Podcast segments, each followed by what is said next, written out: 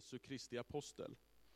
Och de som det här brevet är adresserade till är, citat, de utvalda som lever skingrade som främlingar i Pontos, Galatien, Kappadokien, Asien och Bitynien. Och det här är landskap och romerska provinser i det nuvarande Turkiet. Och redan i den där ingressen så ser vi vad Petrus verkar vilja göra med det här brevet. Och vi anar vad som är de här adressaternas problem. Adressaterna, de här kristna i Pontus, Galatien och så vidare. De verkar vara famlande och vilse i sin relation till sin omgivning. Och det är de på grund av sin nyvunna tro på Jesus. Man har hamnat i en situation där man har blivit som främlingar i ett land eller i en tillvaro som förut har varit hemma. Och när vi läser det här brevet så kan vi ana att det här tar sig uttryck i en sorts social marginalisering, där man allt mer kommer att känna sig utanför i samhället.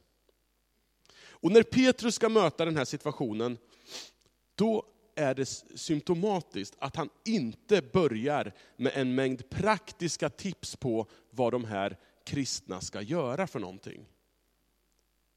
Istället börjar han påminna dem om vilka de är. Identitet föregår aktivitet. Trots allt som kanske gör situationen svår, så kan de genom att se vilka de är, få kraft att härda ut och hålla fast. Och det är just här jag tror att det här brevet kan vara en ovärderlig tillgång även för oss. Den påminner oss om vilka vi är som kristna och som kristen gemenskap. Förra veckan så talade Inga-Märta om vår identitet i hoppet. Och idag så är rubriken Heliga trots allt. Och jag skulle vilja ta med er till ett stycke som är som ett crescendo i Petrus målande av den kristna församlingens identitet. Och vi ska gå till första Petrusbrevets andra kapitel, vers 4-10. Och medan vi lyssnar på det, så står vi upp, så ni får ner lite syre i benen, så att ni orkar lyssna.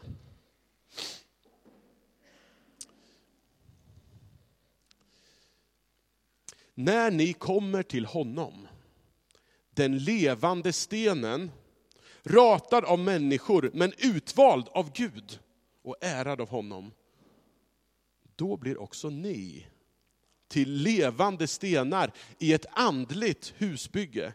Ni blir ett heligt prästerskap och kan frambära andliga offer som Gud vill ta emot tack vare Jesus Kristus. Det står ju i skriften, Se, på Sion lägger jag en hörnsten, utvald och ärad. Den som tror på den ska inte stå där med skam. Äran tillfaller alltså er som tror. Men för de som inte tror har stenen som husbyggarna ratade blivit en hörnsten, en sten som de snavar på, en klippa som de stöter emot. De stöter emot därför att de inte lyder ordet. Så är det förutbestämt för dem.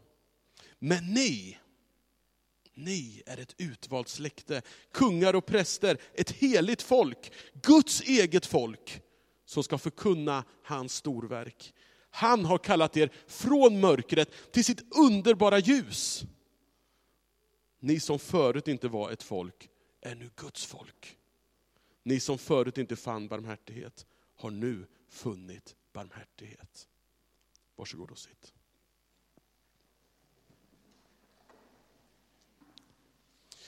Det Petrus har gjort hittills i det här brevet, och som accentueras än tydligare i det här stycket, det är att sätta in sina läsare i en ny berättelse. Berättelsen om Gud och Guds folk i världen. Och så knyter han an till gamla testamentet, som de här läsarna kände till oerhört väl. Och så använder han termer och lyfter fram texter som reserverats för Guds folket det som var Israels folk i Gamla Testamentet. Och så väljer han att applicera, tillämpa de här texterna på sina läsare. Som till stor del består av människor som inte hade judisk bakgrund. Och i slutet av stycket så konstaterar han det som liksom inte riktigt har uttalats, men som han har antytt genom hela kapitel 1 och fram till det här stycket. Ni som förut inte var ett folk, är nu Guds folk. Det här är oerhörda påståenden från en person med judisk bakgrund, där det här, att man var ett exklusivt utvalt folk av Gud, satt så djupt i självbilden. Men nu säger Petrus, är det inte längre etnisk tillhörighet som avgör om du tillhör eller inte. Utan genom Jesus Kristus så bjuds alla överallt in att tro och bli en del av Guds folk. En ny berättelse. Du kan trycka fram en till tror jag. Perfekt. I och med att man är Guds folk så är man också ett heligt folk. Tidigare i brevet så har Petrus med ytterligare hänvisning till Gamla Testamentet uppmanat dem, lev ett alltigenom heligt liv, liksom han som har kallat er är helig. Det står ju skrivet, ni ska vara heliga, ty jag är helig. Utifrån det bibliska vittnesbördet så är helig ett epitet som man bara tillskrev Gud. Det finns bara en som är helig och det är Gud. Helig betyder avskild. Det finns bara en som är så avskild och helig, nämligen Gud. Det är bara Gud som är helig och det är bara Gud som är källan till helighet. Det är bara i relation till Gud som något eller någon kan bli eller vara helig.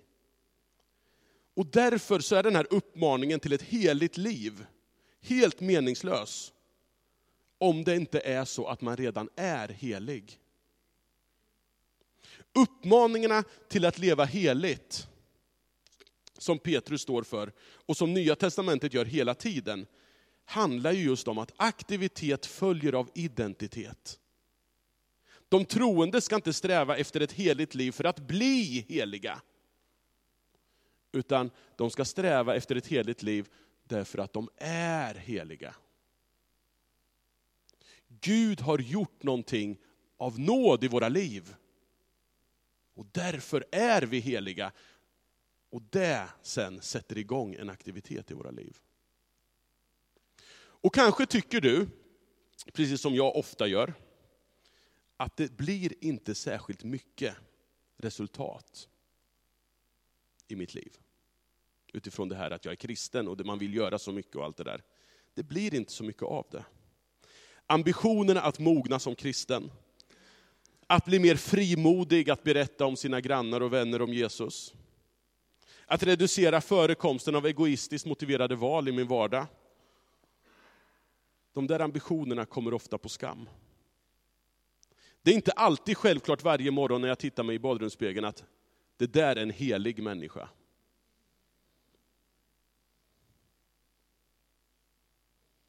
Men i Kristus, och därmed också i Guds ögon, så är jag helig. Och du är helig. Trots allt. Du är helig. I Kristus tillhör jag nämligen Guds folk. Det folk där Gud bor. Och som Guds folk så är vi också Guds holk.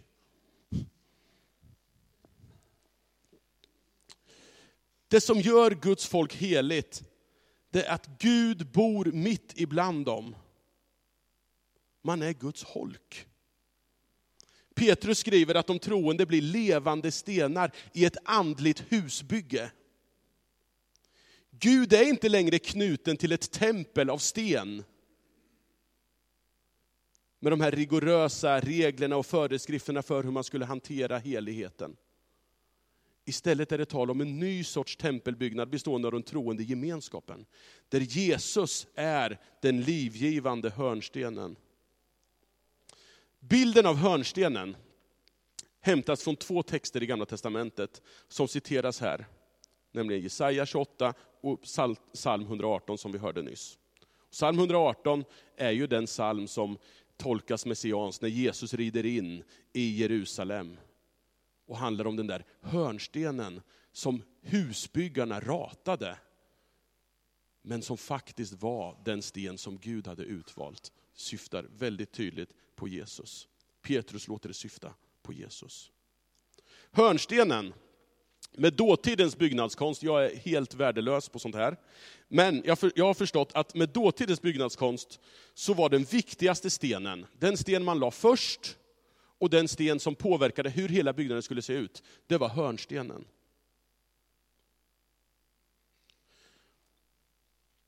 Det andliga husbygget där Gud nu bor är den gemenskap där Jesus är lagd först. Som bygger på Jesus. Och genom att tro på den utvalda hörnstenen, Jesus Kristus, säger Petrus, att då blir läsarna del i den utväljelsen. Som inte längre är villkorad av etnisk härkomst alltså. Utan genom att tro på Jesus, som är utvald, så blir vi också utvalda i Guds val av Jesus Kristus. Man talar ofta i, det finns, finns en diskussion, teologisk diskussion kring det här med utväljelse. Och en del menar att en del människor är utvalda till att vara, vara med Kristus och andra är utvalda till att inte vara med Kristus. Här är det uppenbart att det, det finns en som är utvald, nämligen Jesus Kristus. Och när vi tror på honom, då får vi del i den utväljelsen. Fantastiskt. Delaktigheten i den här byggnationen verkar dock vara villkorad. När ni kommer till honom, säger Petrus, då blir också ni. Grundtextens ord här, som översätts när ni kommer, antyder att det här kommandet till Jesus, det är inte en engångshändelse, utan det är ett, en på, ett pågående tillstånd, någonting som sker hela tiden. Att vara i en ständigt kommande rörelse mot Kristus, då fogas de här läsarna samman till att bli den här byggnaden där Gud bor. En annan viktig aspekt som den här bilden tydligt illustrerar, det är att det heliga livet är kollektivt. En sten kommer aldrig att bli ett hus. Det är beroende av varandra, de är beroende av varandra för att kunna vara Guds holk, Guds byggnad. När vi befinner oss i rörelse till Kristus så fogas vi samman till ett vi, som tillsammans utgör den här byggnaden där Gud bor. Och Det här kan ju naturligtvis uppfattas som provocerande i en individualistisk tid. Men det finns också en oerhörd vila i det här. Vi utmanas att vara med i ett större sammanhang och vara bärande stenar i församlingen. Men samtidigt som vi bär, så blir vi ju också burna av de andra. Allt hänger inte på mig, utan jag kan, när jag inte fullt ut själv orkar bära upp tron och bekännelsen, så kan jag få hänga på de andra som tillsammans kan bära mig. Ibland kan vi faktiskt få luta oss tillbaka på kyrkan, på församlingens tro och bäras av de andra. Det här är en aspekt som vi i vår betoning, i vår tradition, där vi har betonat den personliga erfarenheten, det individuella valet att följa Jesus, vilket också är en viktig aspekt. Men ibland så har vi betonat det så mycket så att det här har kommit lite i bakgrunden. Och inte minst kan det här förstärkas av ett väldigt jag-centrerad spiritualitet, där vi ber utifrån jag, vi sjunger lovsång utifrån jag och mig. Men vi minns att den bön som Jesus lär oss att be, vår Fader, det är en bön som helt saknar de första person singulars pronomen i form av jag, mig och mitt. Istället ber vi vi, oss, vår. Ni som förut inte var ett folk, säger Petrus. Nu är ni Guds folk. Från individualitet till kollektiv.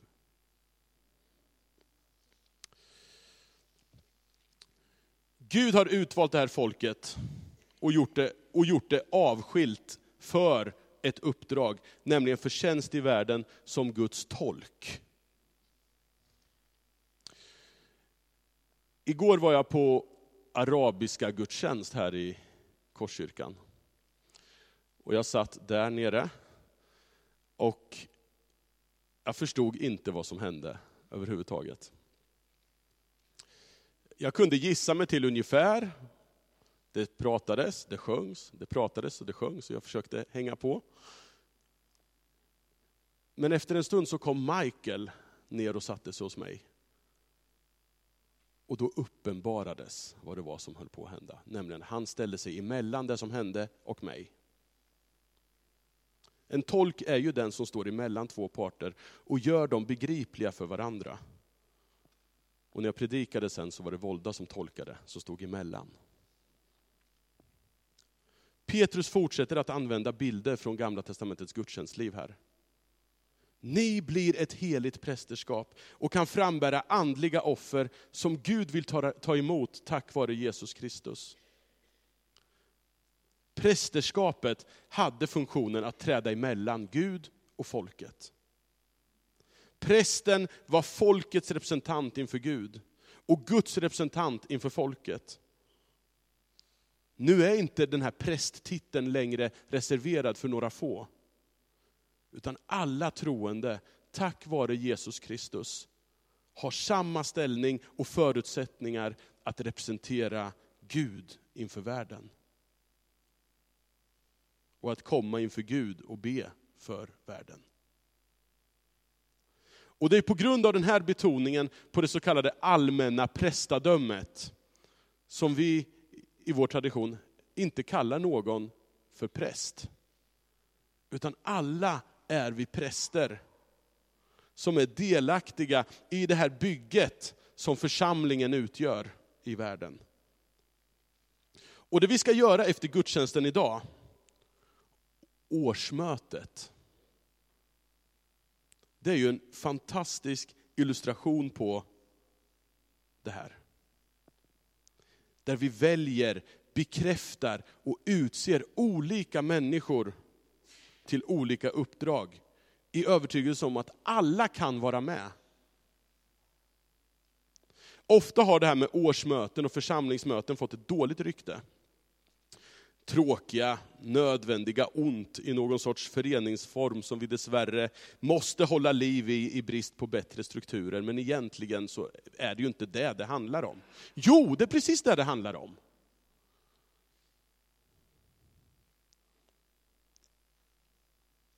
Församlingsmötet kan, om vi förstår att det handlar om heliga angelägenheter, det handlar om heliga angelägenheter, faktiskt får vara heliga tillfällen då vi möts för att utröna Guds vilja tillsammans. Och där alla har någonting att bidra med i det samtalet. Det här är någonting som vi behöver återvinna tror jag i vår tid. I grunden handlar ju det vi fattar beslut om hur vi bäst tolkar Guds kärlek så att den blir begriplig i vår värld.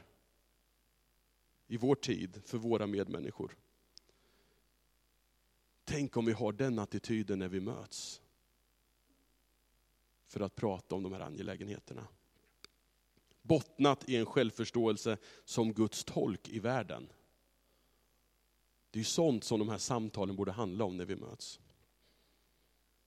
Och det här var antagligen väldigt uppmuntrande läsning för Petrus läsare. Och jag skulle vilja säga att det är ganska uppmuntrande läsning för oss också. Vi är heliga, trots allt. Vi är heliga, inte därför att vi har åstadkommit någonting, eller lyckats leva upp till en viss standard, utan enbart tack vare Jesus Kristus. Därför är vi Guds folk, Guds holk och Guds tolk i världen. Och då tänker jag att det är en enorm förmån att få vara med i det här bygget som församling utgör. Och jag ställer frågan, kan det finnas något viktigare? Kan det finnas något större? Kan det finnas något mer svindlande än att vara med i den berättelsen om Gud och Guds folk i världen? Och där får vi vara med och skriva den berättelsen, här och nu i Norrköping. Jag tror inte att det finns något viktigare, något större eller något mer svindlande. Trots allt. Vi ber tillsammans. Tack Gud för att du är den som har befriat oss. Du är den som har kommit oss till mötes. Du är den som har tagit alla initiativ som kunde tas. Och tack för att vi, på grund av vad du har gjort, får betraktas som heliga.